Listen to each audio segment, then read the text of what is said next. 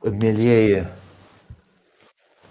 mes patirime jau kelintą didelį realų ir psichologinį iššūkį pastarojų metų. Ir šiuo mes patiriame ypatingai, ypatingai didelį. Mes patiriame realią riziką, realią grėsmę, kurią dar gali apsunkinti mūsų neteisingi ir neišmintingi veiksmai.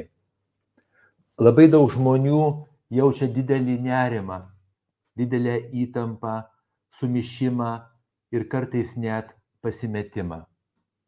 Ypatingai dėlis iššūkis yra mūsų vaikams, kurie gali jaustis labai nesaugus ir pažeidžiami. Ir šiuo metu kyla visiškai natūralūs klausimai, kurie yra labai svarbus. Kaip mums dabar elgtis, kaip mes galim galvoti, kaip mes galim elgtis, kaip mes galim apsaugoti save ir savo šeimas, ne tik tai fiziškai, bet ir psichologiškai. Kaip mes galime padėti savo ir kitiems šioje sunkioje situacijoje. Ir mes šiandien apie tai su psichologu, psichoterapeutu Daliumi Kurlinku kalbame ir norime pažiūrėti į į šitą situaciją iš psichologinės perspektyvos ir padėti jums ir mums visiems. Tai kreipiuosi į psichologą, psichoterapeutą dalių, kur linka, kaip daliau galima pažiūrėti tai, kas vyksta dabar, tiek išorėje, tiek mūsų realybėje, tiek mūsų galvose, kas vyksta dabar. Sveiki, sveiki. E, norisi pasisveikinti visų pirma šito tokio e, nelengvų laikotarpiu, kur iš tikrųjų daug sumišimo, nerimo ir įvairių jausmų. Aš netgi palėsiu tokius jausmus kaip ir kaltė gėda, vat, kuriuos išgirstų, kurie gal dar netaip stipriai apie juos kalbama, ypač kas, kas turi vat, e, rusiškų šaknų, dalinasi žmonės ir, ir manau, svarbus labai dalykai. Bet visų pirma, noriu pradėti galbūt netgi nuo tokios nerimo formulės bet e, ne, ne tuo tikslu, kad labai į ją įsivelti, bet tiesiog tokia kaip pradžią duoti, kad pamėginti pažiūrėti tokių žvilgsnių, psichologiškai, ne, nes nerimas viena tokių labiausiai girdimų emocijų, šalia ir baimės, ir, ir turbūt daugeliu patiriamų. Tai e, viena iš tokių labai paprastų nerimo formulių yra, e, kiek stipriai mes vertinam grėsmę, padalintą iš to, kiek mes tikime savo galimybėmis su ją susidoroti arba įveikti. Ir nors, at, kaip Julius paminėjo, grėsmė iš tiesų yra, na, negalim sakyti, kad jos visai nėra, jinai yra ganėtinai nemaža. Tačiau, tačiau at, labai svarbu, mes ir po to po truputį prieisim, atkreipti dėmesį, kad mes kartais ją netgi didinam, dauginam jos suvokimą ir tuo pačiu dar daugiau patiriam nemalonių emocijų kaip nerimo įtampos, kas gali skatinti ir elgtis tam tikrų būdų, ir dar daugiau didinti nerimą ir įsisukti tokį neproduktyvų ratą. Ir gal dar svarbiau norėsiu pakalbėti, kaip galim didinti mūsų gebėjimus išbūti ir, ir, ir susitvarkyti su ta grėsme. Tai noriu atkreipdėmėsi, kad, kad, kad ir nors tokiom aplinkybėm, na, natūralu yra jausti visas tas emocijas, kurias paminėjom, kaip nerimas, baimė, pykti, kartais netgi bejėgystė ir nevilti apimančią. Bet yra keletas dalykų, ką galime daryti, kad su to lengviau išbūti, kad išmokti būti visame tame ir produktyviau tvarkytis. Ir nors mes e, ne visada galim rinktis, kokią mes emociją jaučiam, e, bet mes galim rinktis, kaip į ją reaguojam. Ir pirma, ką noriu vat, pakviesti tokį padaryti visada, kai pajuntam, kad kažkaip kyla kažkokios nemalonios emocijos. E, pati pirma dalyka tai yra padaryti pauzę, staptelt, neleist būti pagaunamam visiško tokio automatizmo ir inercijos. Tiesiog staptelt ir įvardinti savo. Pasakyti, kad pripažinti, kad taip aš tą jaučiu. Jau vien tik įvardinimas gali šiek tiek, šiek tiek palengvinti, labiau suprasti, kur mes esam, ką mes jaučiam. Po to, kai jau įvardinom, ką mes patiriam, ką mes jaučiam, galim netgi pamėginti ir savo poreikiais įvardinti. ar ne, kad šalia tų emocijų galim ir poreikį. Ar tai saugumo yra poreikis, labai didelė tikimybė, kad saugumo mes poreikį galim bandyti patenkinti. Ir kartais ne visada tos priemonės iš tikrųjų duoda tą saugumą, kurių mes imamės. Ir atvirkščiai netgi stiprina tą baimę ir, ir nesaugumo jausmą. Ir po to, kai jau įsivardinom poreikį, atpažinom, įsivardinom, ką jaučiame, galim įsisamoninti, kad čia iš Viktoro Franklio aš pasinaudosiu tą frazę ir kognityvinė elgesio terapija mes irgi ją labai naudojam, kad tarp stimulo ir reakcijos visada yra kažkoks mažas tarpas. Arba mes jį galim susikurti truputį. Ir mes tada visą tai įsisamonę galim staptelti ir pagalvoti, kaip mes norim iš tikrųjų elgtis, kaip būtų produktyviau elgtis, ką mes galim rinktis daryti. Ir taip atrasti galimybės įvairias. Ir galime, pavyzdžiui, paklausti, o ką mes patiriame e, ir ką mes taip iš inercijos norisi daryti, ar nėra taip, kad eikvoja mūsų resursus, laiką ir taip ir nesuteikia, ko iš tikrųjų reikia. Ir staptelėje galime mes įvairių įvairių pratimų čia padaryti.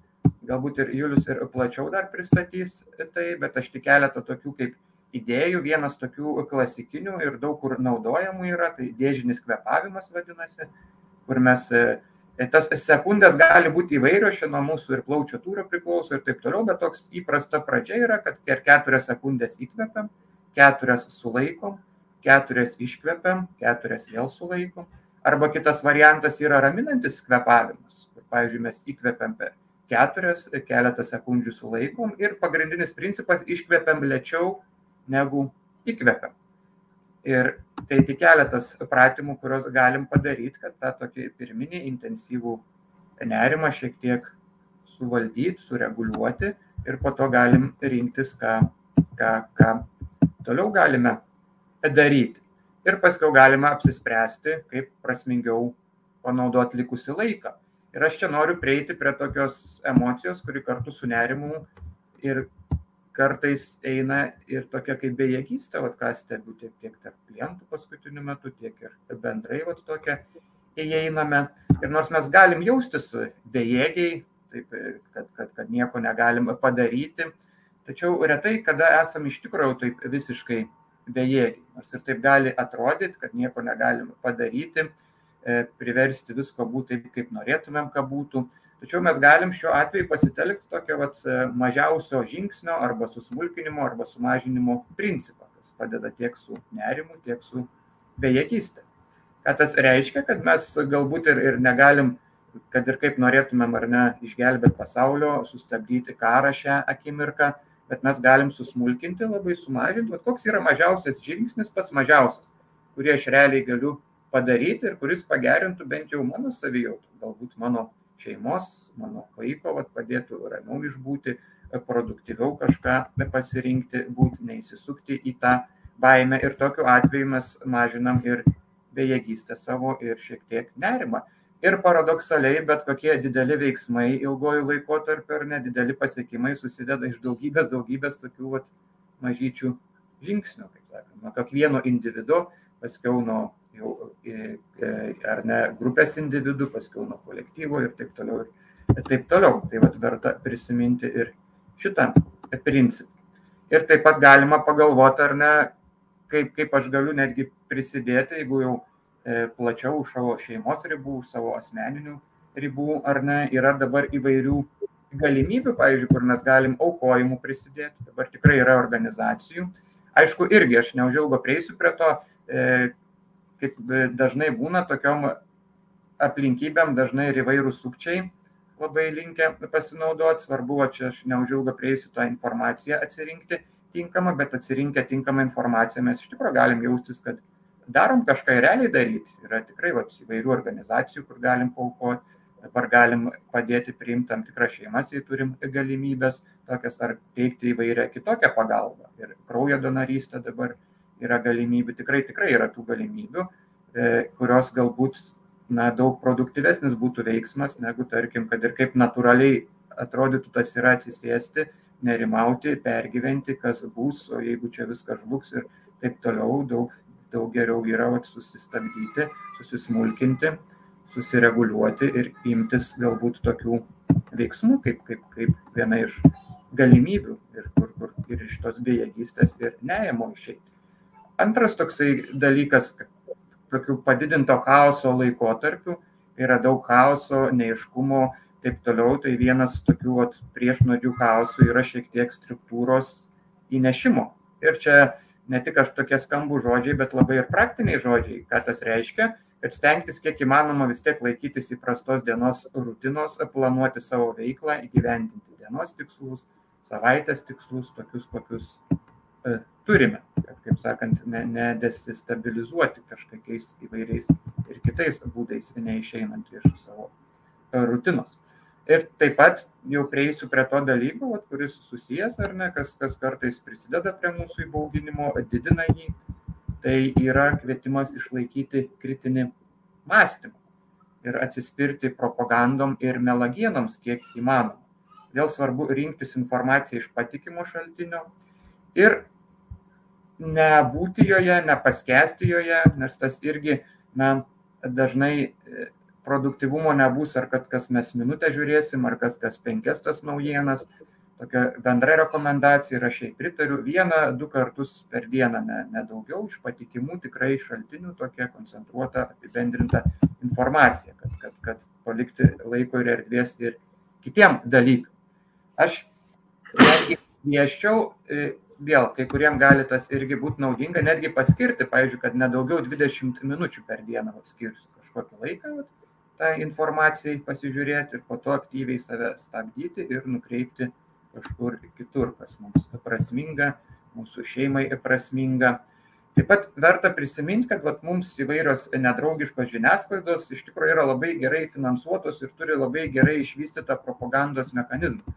Tiesiog meistriškai, jos pasinaudoja visom mūsų mąstymo klaidom, visais mūsų žmogiškais E, baimėm, paniką pasėti ir, ir, ir, ir susiskaidimą ir įvairius įvairius dalykus labai labai lengvai išnaudoja ir tam tikrai e, net, e, ir čia nepriklauso nuo mūsų proto, netgi pačius protingiausius iš mūsų gali, kaip sakant, labai įtraukti, todėl tą labai svarbu žinoti ir, ir atsispirti.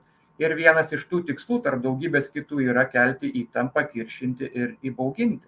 Čia vienas seniausių principų, ar ne, o civilizacijų karybui remiasi skaldyk ir valdyk, kur, kur Julijus Cezaris ar ne buvo labai tą iš, išplatinęs. Tai e, pati esmė niekur nepasikeitė, tik labai yra ištobulinti įrankiai, labai preciziškai visokiais tikslais bandyti. Ir kuo labiau mes pasiduodam tai panikai, baimiai, įbauginimui, kuo labiau mes susiskaidom, tuo labiau iš tikrųjų mes pralaimim ir kiti laimi. Ir atvirkščiai mes galim traktuoti kaip pergalę, jeigu tam nepasiduodam ir, ir išlaikom rimti ir vienybę kiek įmanoma. Ir kalbant apie vienybę, kartais e, ne, ne tik bendraja prasme, kad, kad vieningai mes laikomės visi pozicijos, bet, e, bet tas irgi be galo svarbu, kad mes galim išreikšti savo poziciją įvairiai, socialiniais tinklais, viešai ir parodyti, kad ne, mums nepriimtini tokie dalykai, mes laikomės tokių vertybių ir ir, ir viskas. Ir tuo pačiu su savo artimu, pavyzdžiui, vat, ar ne, gali būti, kadangi dėl, dėl įvairių priežasčių, viena iš jų mūsų asmenybės bruožai, pavyzdžiui, mes skiriamės pagal temperamentą, įvairius bruožus, pavyzdžiui, toks neurotizmas ar ne, neurotiškumas kaip bruožas, tai vienam žmogui gali ta pati informacija daug, daug stipriau sukelti nerimo ir aš taip kvieščiau pabandyti būti tolerantiškaims atliepiantiems, pavyzdžiui, jeigu mūsų mes taip per daug nepergyvenam, o mūsų artimasis labai pergyvena, kad padėti, priimti jam ir atvirkščiai, kad, kad suprasti ir tą kitą artimai, kuris gal netiek įsijautęs ir nebandyti priversti jo irgi toj baimiai būti. Sakant, atsižvelgti, prisiminti, kad ne iš piktos valios tie žmonės taip daro mūsų artimieji ar ne, čia yra jų asmenybės bruožai, aišku, gali būti įvairios gynybos režimai įeiti ir taip toliau. Bet nepaisant viso to, vat, mes pademonstruojame tokią atjautą, supratimą ir, ir priminimą, padėti viens kitam, kaip sakant, ir, ir, ir, ir, ir, ir suprasti to pačiu, bet to pačiu ir pamatyti tą, tą taip, kaip yra, ne, neįsisukti tos šaltinius įvairius ir panašiai. Ir taip pat svarbu su savo įvairiom mūsų proto mąstymo klaidom, tokiam vadinamom. Galbūt taip skamba ar ne, negražiai, bet visi mes jų turim ir aš turiu, ir kiekvienas žmogus turi ir galim pažiūrėti, o tokiom, tokiom akimirkom viena labai dažna yra viena iš mąstymo klaidų, tai katastrofizavimas arba katastrofų laukimas labai, labai, labai stipriai įsišaknyja ir kartais, e, na, dar tą ar ne realią grėsmę dar labiau apaugina, bet galim irgi staptelti ir pažiūrėti, vat, parinkti faktus parodančius, kad e, nors yra ta grėsmė, bet yra daug ir atsvaros taškų, čia jau aišku, kiekvienas galime rasti, bet e, čia tokia žinutė pasakysiu, e, kur gal kai kam ir gali keistai pasirodyti, bet verta prisiminti, kad mes esam, pavyzdžiui, vienos stipriausių karinių alijansų dalis ir yra vis daugiau tų pajėgų atsiunčiama ir kai ką gali ir tas kažkiek gazdinti, bet verta prisiminti, kad, na, kaip priemonė kol kas rodo, jinai veikia kaip atgrasim. Vis tik NATO šalių niekas kol kas nepuola ir, ir dirba ties to labai rimti žmonės, tengiasi įvairiais būdais visokiais ir panašiai. Toliau mm, svarbu, ką e, padaryti, kas galim su šeima ar ne, tokį vietų užuot to nerimavimo, geriau įeiti tokį realų planą. Nors aišku, mes negalim viskam pasiruošti, visko numatyti, mes net negalim žinot, kas taip šimta procentų nutiks net keletos valandų bėgyje. Tačiau mes galim su šeima aptarti realų reagavimo planą, e, ką darysim, kokius būtiniausius daiktus turėti, kaip pasiruošti netgi blogiausiam scenarijui, bet neužstrikti jame, jokių būdų neužstrikti, tiesiog realų labai planą užuot tą, o kas bus, o kas jeigu jie labai realų planą detalų susidaryti ir turėti jį ir viskas, kad mes turim planą, mes pasirengėm, mes jo laikysimės, jeigu nutiktų, o visą kitą laiką ir resursus skiriam, ką ir pradžioje minėjau, ar ne, kad tai, kas prasminga šią dieną, kaip su to nerimu lengviau išbūti ir, ir, ir tų priemonių yra įvairių. Ir dar vat, vieną labai noriu aspektą pakalbėti ir, ir, ir, ir jį paliesti, apie kurį vat, ir pradžioje užsiminiau, apie kurį galbūt daug mažiau yra kalbama, bent jau taip viešai, bet kurį tikrai pastebiu tiek, tiek ir artimesnėje aplinkoje, tiek ir tarp kai kurių klientų. Tai būtent gėda ir kaltė, vat, tokie jausmai, kurios, e, kurio, kurios e, dažnai patiria vat, e, rusų kilmės žmonės arba rusų šaknų turi tais etninių, e, kad, kad tarsi jaučia gėdą, kad, kad vat, yra e, kažkaip susijęs su to ar kažkokiu būdu. Tai iš tokių keletą žinučių, gal tokias tris noriu ištransliuoti, po to Juliaus paprašysiu dar praplėsti. Apskritai viską, vat, ką kalbėjau, praplėsti, aš tokią kaip bazinį įvadą noriu padaryti. Tai pirma, priešnodis prieš gėdą. Vienas pirmųjų tokių priešnodžių yra kalbėti apie gėdą, nebijoti, ypač su žmogum, kurio pasitikite, uh, kurį mylite, papasakot, kad vat, jaučiate tą gėdą, kad, kad yra ta gėda. Ir antra žinutė gali atrodyti prieštaringa, bet jinai neprieštaroja. Mes galim ir kalbėti apie tą gėdą, bet verta ir prisiminti, kad tai ne mūsų kaltė, tai ne jūsų kaltė. Tai jūs kažkaip niekaip prie to neprisidėjot, kad tai nežemina jūsų kaip žmogaus vertės, kad, kad keletos žmonių, kad ir etniniais ryšiais susijusių su jų grupės veiksmai niekaip neapibrėžia nei jūsų veiksmų, nei jūsų kaip žmogaus veiksmų, nei jūsų kaip žmogaus vertės. Niekaip. Ir a, trečias dalykas, ką jūs galite padaryti, nebijot pareikšti savo nuomonę, nepaisant visko, kad jūs parodyt, kad ne. Nepaisant to, kad kartais gali būti įvairių ir baimių, ir kitų emocijų, kad ne. Aš turiu vat, poziciją ar socialiniam tinkle, ar kažkur kitur, vat, aš pareiškiu savo nuomonę atvirai ir, ir ir laikausi jos. Tai galbūt aš kol kas iki šios akimirkos tokius dalykus norėčiau ištransliuoti ir galbūt Juliaus pakviesti, papildyti ir praplėsti kai kurios. Dėkui. Daliau mes keletą kartų apie tai išnekėsim skirtingais pjūviais. Mums labai svarbu, kad žmonės pasinaudotų galimybėmis valdyti savo gyvenimą šiuo metu. Tai šiuo metu mes esam situacijoje, kuri, galim sakyti, yra krizinė, o krizinė yra ta prasme, kad tie iššūkiai jie gali viršyti mūsų pristaikymo galimybės. Tai nėra mums įprasta situacija. Ir aš labai noriu aiškiai pasakyti, kad nenormaliai jaustis ir, ir net nenormaliai elgtis nenormalioj situacijoje yra normalu.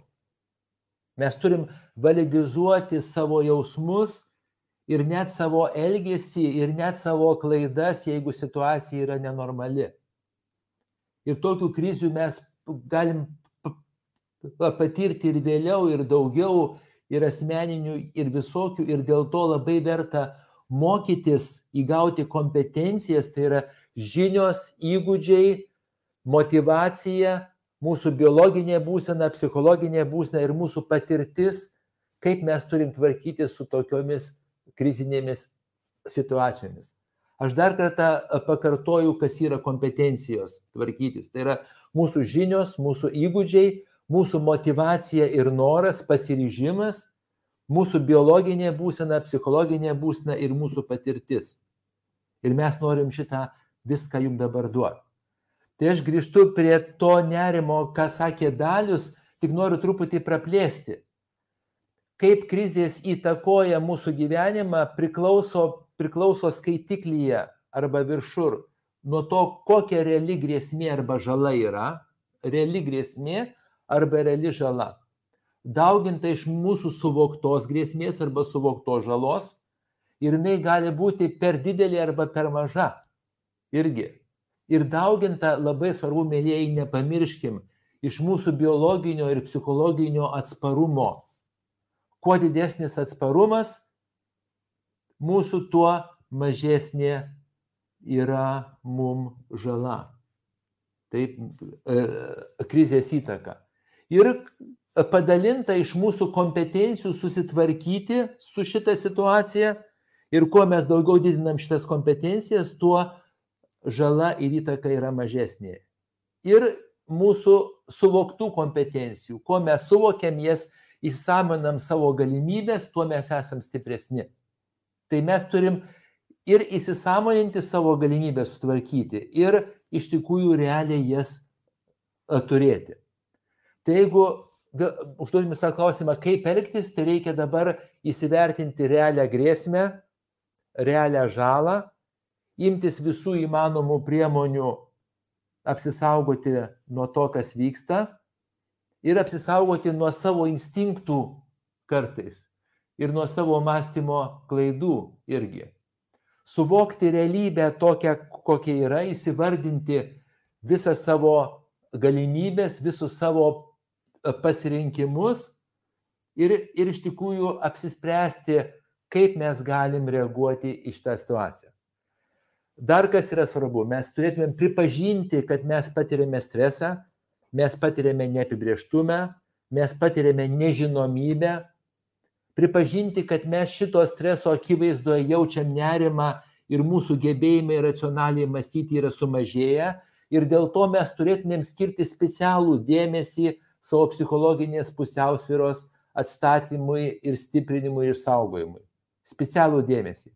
Psichologinė hygiena ir psichologinis savęs stiprinimas ir savo artimųjų stiprinimas, savo kolektyvo, bendruomenės ir visos mūsų visuomenės psichologinis stiprinimas turėtų būti mūsų prioritetuose. Taip pat labai svarbu pripažinti, kad dalis dalykų priklauso nuo mūsų, dalis nepriklauso. Bet priklauso ne taip jau mažai. Ir mes galim labai daug ką realiai padaryti. Ir visų pirma priklauso mūsų reagavimas įvykius ir mūsų elgesys. Ir mes galim tada apsispręsti pačiais geriausiais, pačiais išmintingiausiais, racionaliausiais būdais reaguoti į šitą situaciją. Mes galim savęs pasiklausti, kokie mūsų pasirinkimai yra galimi dabar. Ar panikuoti, ar pasimesti, ar blaškytis, ar padaryti išminties pauzę ir racionaliai, tikslingai veikti. Mes galim apsispręsti, įsisamoninti savo instinktus, savo streso reakciją, pulk, bėk arba sustink. Čia mūsų trys, trys yra būdai reaguoti į stresą gyvūniškam lygiui. Mes, mes galim prisiminti, kad mes esame žmonės, mes turim išminti, mes galim pa, padaryti išminties pauzę, mes galim susiplanuoti savo veiklą nuo norimo rezultato ir tada apsispręsti būti racionalūs, apgalvoti. Taip. Mes galim, kaip puikiai sakė Dalius, pasirinkti informacinius šaltinius ir visų pirma pasirinkti tuos iš tų institucijų, kurios prisėima atsakomybę už mūsų gyvenimus, o ne iš tų, kurie nori priešingai. Taip. Mes turėtume labai vengti informacijos, kuri išmuša mus iš vėžių, kuri skatina mūsų baimę, kuris skatina mūsų pasimetimą, skatina mūsų pasidavimą. Mes galime neleisti mus įbauginti, ko siekia mūsų nedraugai. Mes galim prisiminti, kad mes turim daugiau pasirinkimų, negu mums atrodo. Mūsų drąsa yra mūsų ginklas. Čia jau šimtų procentų mes tą matom ir kas šiuo metu vyksta. Jeigu mes jaučiame, kad bet kokia informacija išmuša mus iš vėžių, jeigu bet kokia informacija aktyvuoja mūsų pažydžiamumo schemą, mes turim ją sumažinti iki racionalių dydžių, va, ką, ką puikiai sakė Dalius. Mes turime laikytis informacinės hygienos, turim pasirinkti patikimus oficialius šaltinius ir remtis faktais, bet ne emocijom. Mes turime atpažinti, ko, kokia būtent informacija įjungia mums nepadedančias emocijas. Nes galim puoselėti bendrystę ir vienybę, padėti vieni kitiems ir padėti tiems, kurie prisėmė atsakomybę už mūsų gyvenimus. Padėti šiuo atveju tiems žmonėms. Tiems ir dabar labai sunku, kuriems reikia padaryti labai rimtus daug žmonių liečiančius sprendimus. Labai svarbu būti susikaupus, dirbti savo darbą, savo esamoje vietoje, išgirskim pačiu geriausiu būdu, pačiu geriausiu būdu, kaip mes mokam. Ir mes tengiamės šičia. Pačiu geriausiu būdu mes darom, kaip mes mokam. Mes galim nepasimesti, neapleisti savo kasdienių darbų, galim neapleisti savo kasdienių įsipareigojimų. Aš tikrai galiu pasakyti iš savo patirties, iš klientų patirties, kad tai labai žemina ir tai labai ramina. Man asmeniškai tas mano darbas, kurį aš pats sustinku su klientu arba klientais, arba darau, arba vedu mokymus, mane labai žemina ir ramina. Nes aš žinau, kad aš darau tai, ką aš galiu daryti pačiu geriausiu būdu, kas nuo manęs priklauso. Mes galim susikoncentruoti į savo darbą, savo misiją, savo pareigų atlikimą, kaip galime geriau. Ir stelkti vieningai veiklai, kur tik galima ir kur to reikia. Kalbant apie šeimą, mes galim atvirai pasikalbėti su šeimos nariais ir sudaryti veiksmų planą, visom situacijom, kurios gali atsitikti. Ir dabar noriu labai pabrėžti, kai atsiranda mūsų apsisprendimas veikti ir prasideda veiksmas, mėlyjeji, mažėja nerimas. Nerimas didėja gulint ant sofos ir žiūrint ir jaudinantis. Bet kai mes pradedam veikti, mūsų nerimas išnyksta, mes galim imti, imti pavyzdį iš dabar tų, kurie kovoja jie irgi jaučia nerimą, bet jie atlieka veiksmus.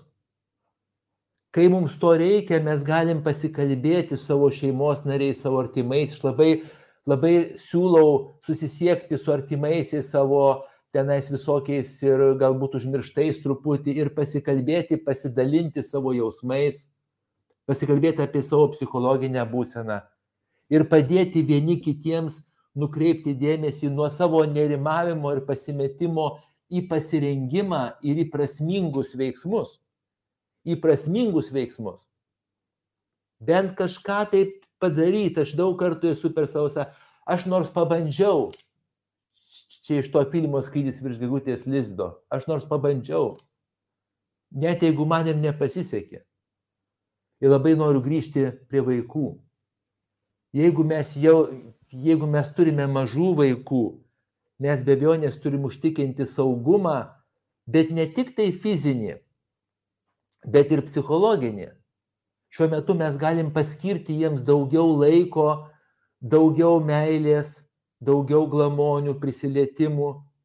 Tai yra to, ko jiems daugiausiai reikia nesaugioje psichologinėje atmosferoje. Ir tai irgi mus gali raminti. Aš prisimenu filmą Titanikas, kaip, kaip mama skaitė pasaką savo, savo vaikams, paskestančiam laive. Mūsų vaikai labai jaučia mūsų kūno įtampą, mūsų psichologinę įtampą iš balso tembro, iš mūsų akių judesių, iš mūsų prisirišimo prie jų žvilgsnių ir taip toliau. Parodykim jiem, kad mes ant žemės esam, kad mes įsižeminę kad mes žinom, ką darom ir mylim juos. Jeigu mes turim desnius vaikus, būtinai kalbėkime apie tai, kaip jie jaučiasi. Jeigu me, pripažinkime jų jausmus ir emocijas, bet kokias validizuokime. Prisiminkime, kad nenormaliai jausis nenormalioj situacijoje ir net nenormaliai elgtis yra normalu. Bet mes galim, kiek galim racionalizuoti šitą viską nepaneikime savo vaikų jausmų ir nenuvertinkim. Čia nieko tokio, čia, čia, čia viskas praeis, čia tau nieko tokio, čia kitiem dar blogiau ir taip toliau. Kai mes patvirtiname vaiko teisę jausti savo jausmus, informuokime juos, labai labai siūlau, labai, kad jų saugumu visų pirma mes labai rūpinamės, šeima mes rūpinamės. Antra rūpinasi auklėtojai vaikai, rūpinasi valdžios atstovai ir rūpinasi visi geros valios žmonės.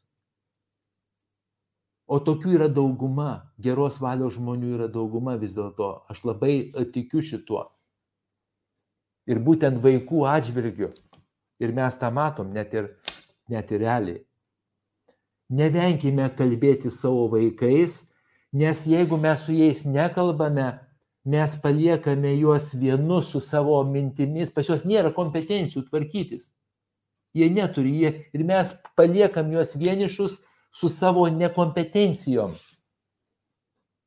Užtikrinkime besąlygišką meilę savo vaikams, parodykime savo galės pasirūpinti jų saugumu ir jų gerovę. Ir aš dabar dar šiek tiek dalį duodu ir paskui pratęsiu dalį, o ką tu pridėtum, ką tu pakeistum dar. Galbūt keisti tikrai nieko nekeiščiau, tik papildyčiau. Papildyčiau Taip. to, gal tokius akcentus sudėčiau, ką Julius fantastiškai išsakė, bet tą prisiminti dėl to, kad grįžtant, kodėl pirmą save labai svarbu nuraminti nes vaikai yra be galo, be galo. Mes kartais net neįsivaizduojam, ant kiek pastabus jie yra, kiek jie mato mūsų veido mikro išraiškas, mimikas, akių obolių judesius, viską, viską. Ir jie labai greitai irgi perima tą emociją. Tai kuo mes būsim ramesni, stabilesni, mes galim galvoti, kad mes tuo labiau padovanosim saugumo dovanų ir savo vaikams. Ir dar tą aspektą e, dėl informacijos tokios užtikrinimo, kad e, tylėti tikrai nereikia, meluoti irgi nereikia, bet pateikti tiek, kiek vaikas pagal amžių gali suprasti. Ir tiek, kiek klausia. Aš e, ypač mažesni vaikai, tokie bendras principas yra tiek, kiek klausia, tiek mes atsakome. Ir, ir, ir, ir ten ne, nepradedam, nenueinam į labai ilgus tokius pamastymus, aiškinimus ir taip toliau. Ir antras dalykas, kad vaikas gali klausti, ypač mažesni vaikai, to paties daugybę kartų. Ir mūsų viena iš pareigų būtų daugybę kartų ir atsakyti.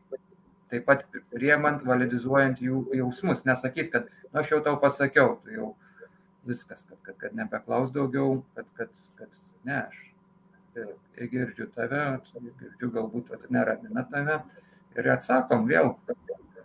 E, ir stengiamės neiškraipyti ir per daug nekeistų atsakymų, kad laikytis tokios patikimos, aiškios informacijos, ir, ir gal neįti jokias detalės, kaip ten žūna žmonės, kaip ten dar kažkas, kad taip tai įvyksta, bet yra tam tikros institucijos, jos renkia geriausių būdų siekia mumis apsaugoti. Galim netgi akcentuoti, kad karas Lietuvoje nevyksta dabar, kad, kad, kad yra labai daug saliginai, saliginai daug saugumo, bet svarbu tokius dalykus akcentuoti. Ir taip pat galim aptarti tą planą irgi vat, su vaikais, vėl su vyresniais e, detaliau, su mažesniais vaikais, tiesiog aiškius žingsnius, kad, kad mes vat, kartu visi planą parengėm ir jeigu kas nutiktų, mes jo laikysimės. Ir po to koncentruotis į kitus dalykus. Padidinti apskritai tokių veiklų, gal bendro laiko praleidžiamo, atpalaiduojančių veiklų, netgi žaidimų daugiau kažkiek bendram fone. Tas nereiškia, kad vietoj tų pokalbių mes nukreipiam žaidimus, mes nevengiam, bet šalia to mes padidinam vat, to laiko praleidžiam. Galbūt tiek, vat, kas liečia vaikus, galėčiau papildyti. Ir mhm. Dėkui labai daliau ir aš noriu atkreipdėmėsi į mūsų biologinį ir psichologinį atsparumą. Mes turim galimybę ir, sakyčiau, šiuo metu pareigą jį didinti.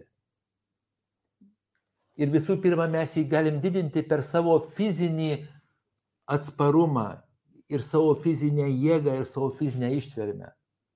Aš siūlau dabar atkreipdėmėsi į savo kūną ir savo kūno galimybės. Grėsmės akivaizdoje mūsų kūnas labai pravartus dalykas.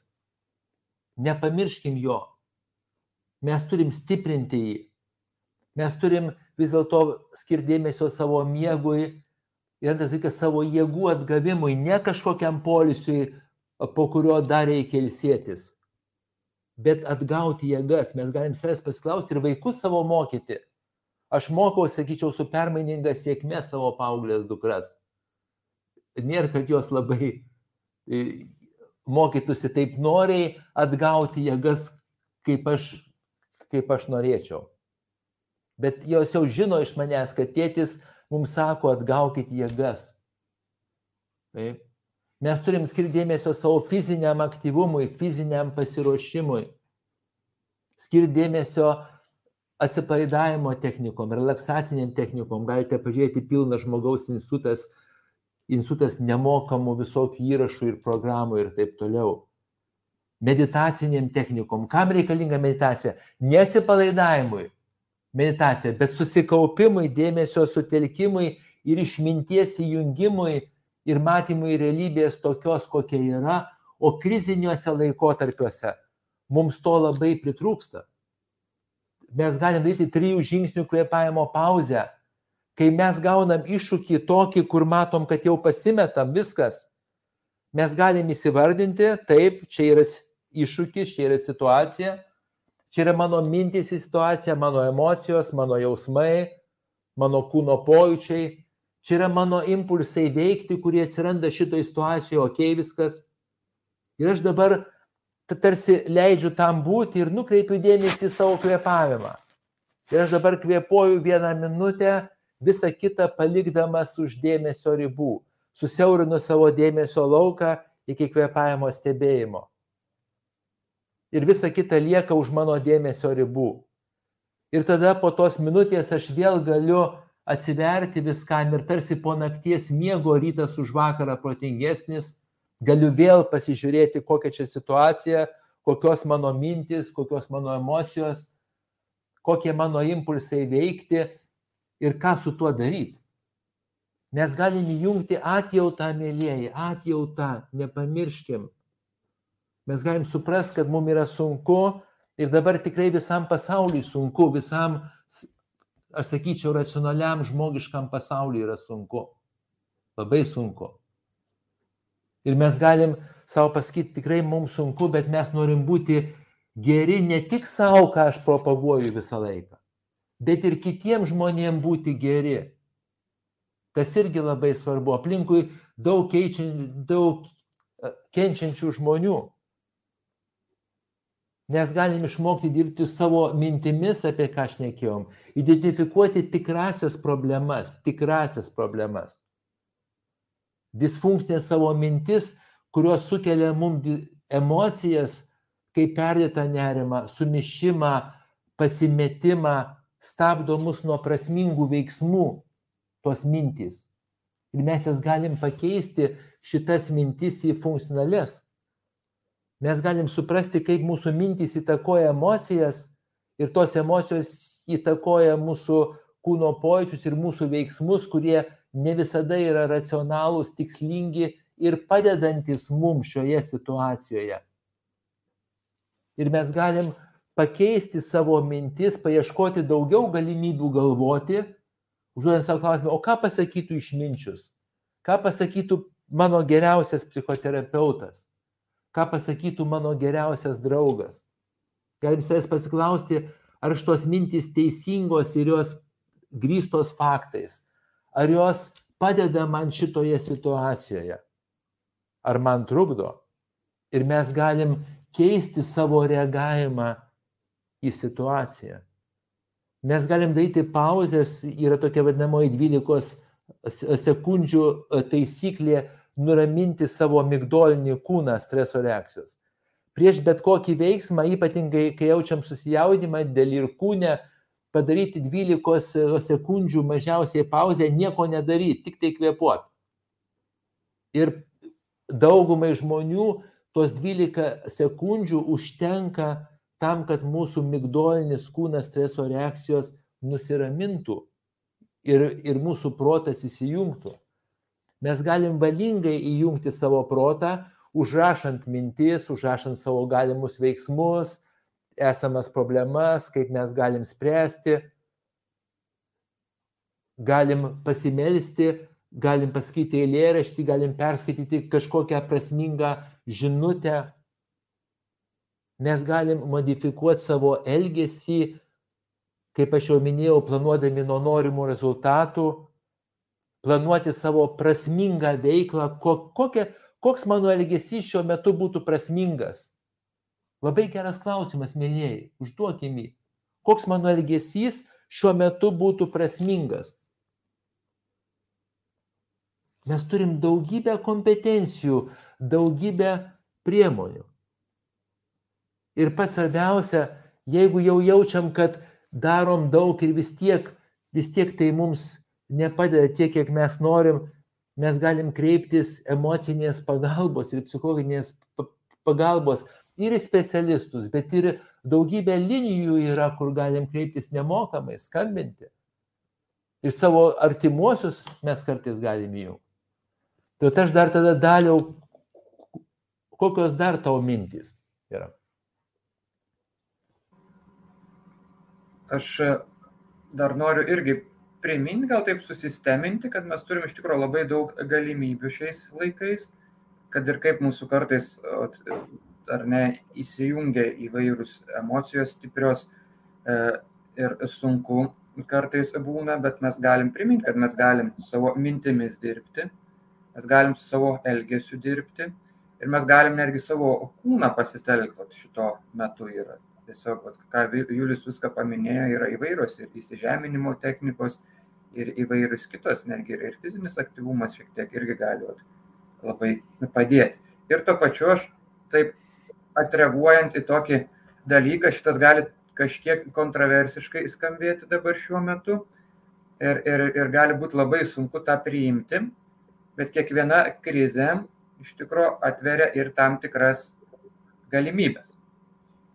Dabar žinau, kad gali skambėti šiek tiek gal netgi nejautru taip ir, ir, ir netgi pykčio sukelti, bet mes iki šio momento, ką viską pakalbėjom, pirmiausia tie dalykai eina, aišku, suvaldymas, susistruktūravimas, supratimas, kas vyksta, įsisamonimas, bet po to mes galim netgi įsisamoninti, kad yra ir galimybės. Visų pirma, galimybė yra ugdyti savo įvairius kompetencijas, gebėjimus, Antra galimybė yra praplėsti savo pasaulio suvokimą, nes kartais į krizės, na ne kartais dažnai ir tai padaro, kad iki tol, kur mes turėjom įsitikinimų, šventai tikėjom, jie būna sulaužomi, sugriaunami ir tas labai skaudu būna. Bet yra to pačiu galimybė, e, aišku, jeigu tinkamai tą darome, praplėsti, papildyti o tą žinojimą ir pamatyti tą pasaulį įvairesnį, labiau realistiškesnį.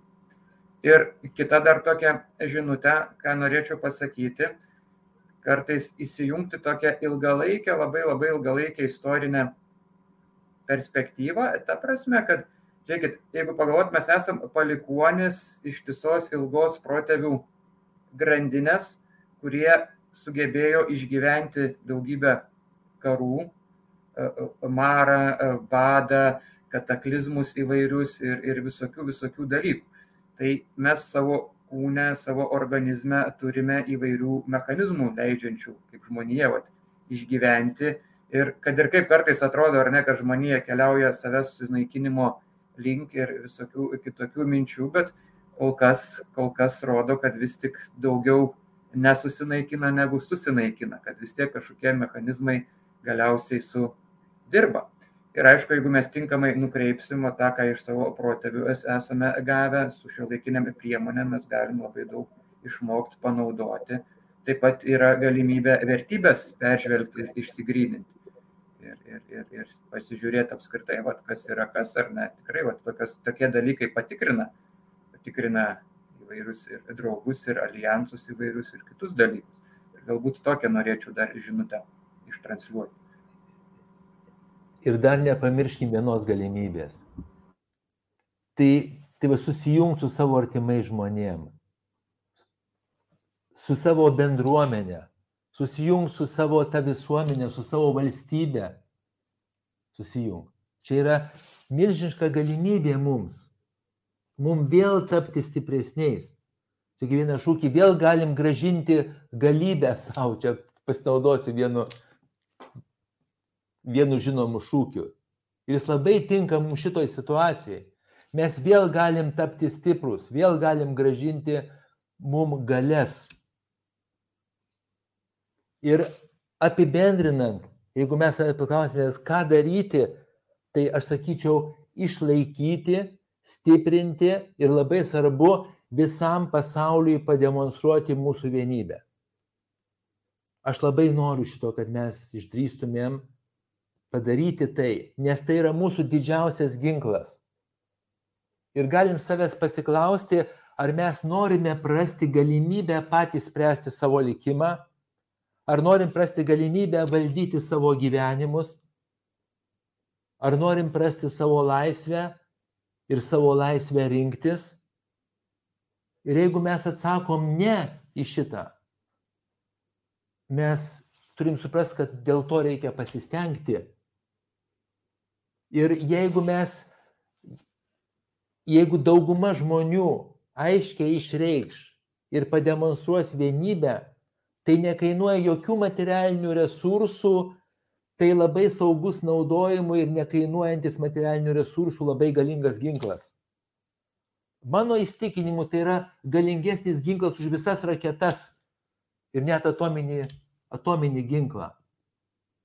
Tai yra mūsų aiškiai pareikšta vienybė ir valia ir pademonstruota visiems. Mes nenorim nieko blogo, niekam blogo, mes nepulsim niekam. Nieko, bet mes nenorim, kad ir mus pultų. Mes norim gyventi savo gyvenimus, o ne kažkieno tai būti žaisliukais. Taip. Ir aš tikrai siūlau turėti viltį ir kaip sakom, mes čia nors tamsiosios agresyvios ir destruktyvios jėgos žmogaus prigimtyje yra labai labai stiprios, labai, labai mumise. Bet žmonijos istorija parodė, kad meilė, gėris ir šviesa galų gale nugali. Ir dabar aš pasakysiu jums su tokia ironija šiek tiek net. Ir kartu atjauta.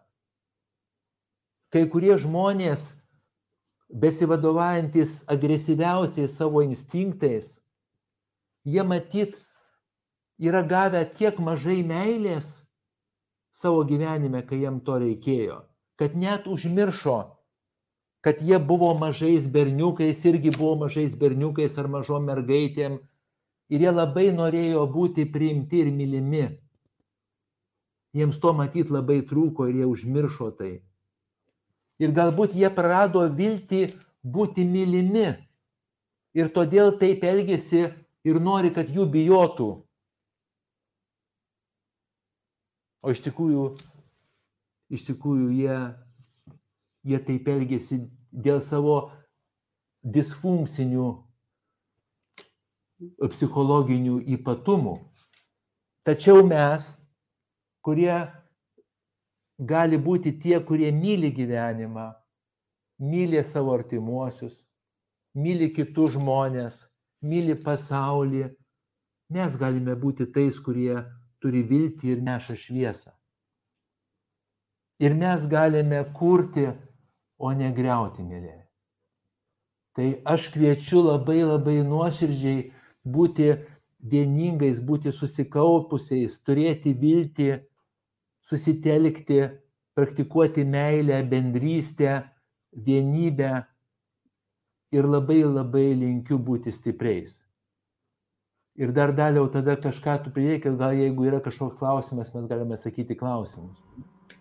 Tiesiog e, noriu pridėti tą žinutę, gal taip amplifikuoti, padidinti, kad iš tikrųjų galim staptelti pirmą, suprasti, ar ne, kad turime ir tokių instinktų, ir tokių, ir užduotą klausimą, vat, koks būtų pats geriausias būdas, kokiu produktyviausiu būdu galėčiau pasinaudoti šitą, kad ir tokią galbūt didelę kainą turinčią galimybę, bet galimybę ar ne, pademonstruoti vienybę, kokie realūs veiksmai vestų prie tos vienybės pademonstravimo ir realesnio saugumo užtikrinimo ir produktyvumo ir kurie trukdo.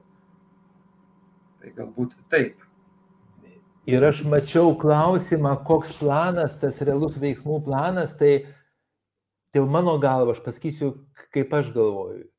Mes turim pasinaudoti oficialiais šaltiniais, jeigu būtų grėsmė, yra daug oficialių šaltinių, krašto apsaugos ministerijos ir, ir taip toliau ir kitų, kaip mums elgtis, kaip pasiruošti kažkokiai tai grėsmiai, kokius daiktus turėti, dokumentus ir taip toliau. Mes atliekame tai, apmastom visus variantus, apsitarėm savo šeimą, kaip mes elgsimės, kad visi žinotumėm labai aišku savo, savo planą veiksmų ir nuolat atnaujinam jį ir darom savo kasdienius darbus, kurie patys svarbiausia, nes nes mūsų nedraugai, jie nenori, kad mes kasdienius darbus darytumėm. Jie nori, kad mes pasimestumėm. O aš siūlau kaip tik tai susikaupus dar geriau dirbti ir dar geriau daryti, atlikti savo misijas. Tiek išoriai, tiek šeimoje, tiek visur. Aš tokia spontaniškai prisiminiau vieną netgi istoriją budistinę galvoju, gali būti visai vietoj čia.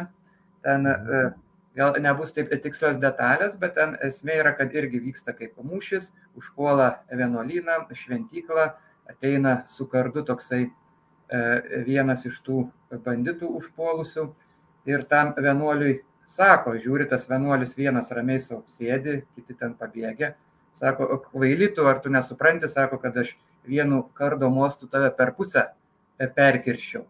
Sako, ko tu nebėgi? O tas vienuolis atsako jam, sako, o ar tu nesupranti, kad tu galėtum perkirsti vienu kardo mostu mane, aš net nemirkterčiau. Ir tada tas, kaip sakant, banditas išsigando, ten pasimetė ir nuėjo. Tai manau tokia tam tikrą prasme labai iliustratyvi žinutė. Būtent, kad, kad kuo mes labiau bijome, to, to iš tikrųjų ir siekiama yra. Ir kuo mes rodome labiau drąsą ir išlaikome ramybę, tuo mes labiau laimime. Mhm. Yra praplėtimas šitos istorijos, kita tokia truputį, kad ar tu supranti, kad tu, kad tu, tu už akimirkos būsi nužudę žmogų. Irgi klausimas. Taigi, taigi tie žmonės, kurie užmiršo tuos savo mažus berniukus, trokštančius meilės ir mergaitės net kartais mes matom ir to, nu, jų, jų gaila, gaila yra. Bet mes galim nukreipdėmėsi, mes jų, mes jų šiuo metu nepakeisim. Mes galim pakeisti save, savo elgesį ir elgtis taip, kad mes, kad mes taptumėm stipresni. Tai ačiū labai visiems, ačiū, kad esate kartu, mes tikrai esame kartu su jumis. Tikrai, mėlyje. Ačiū ir iki.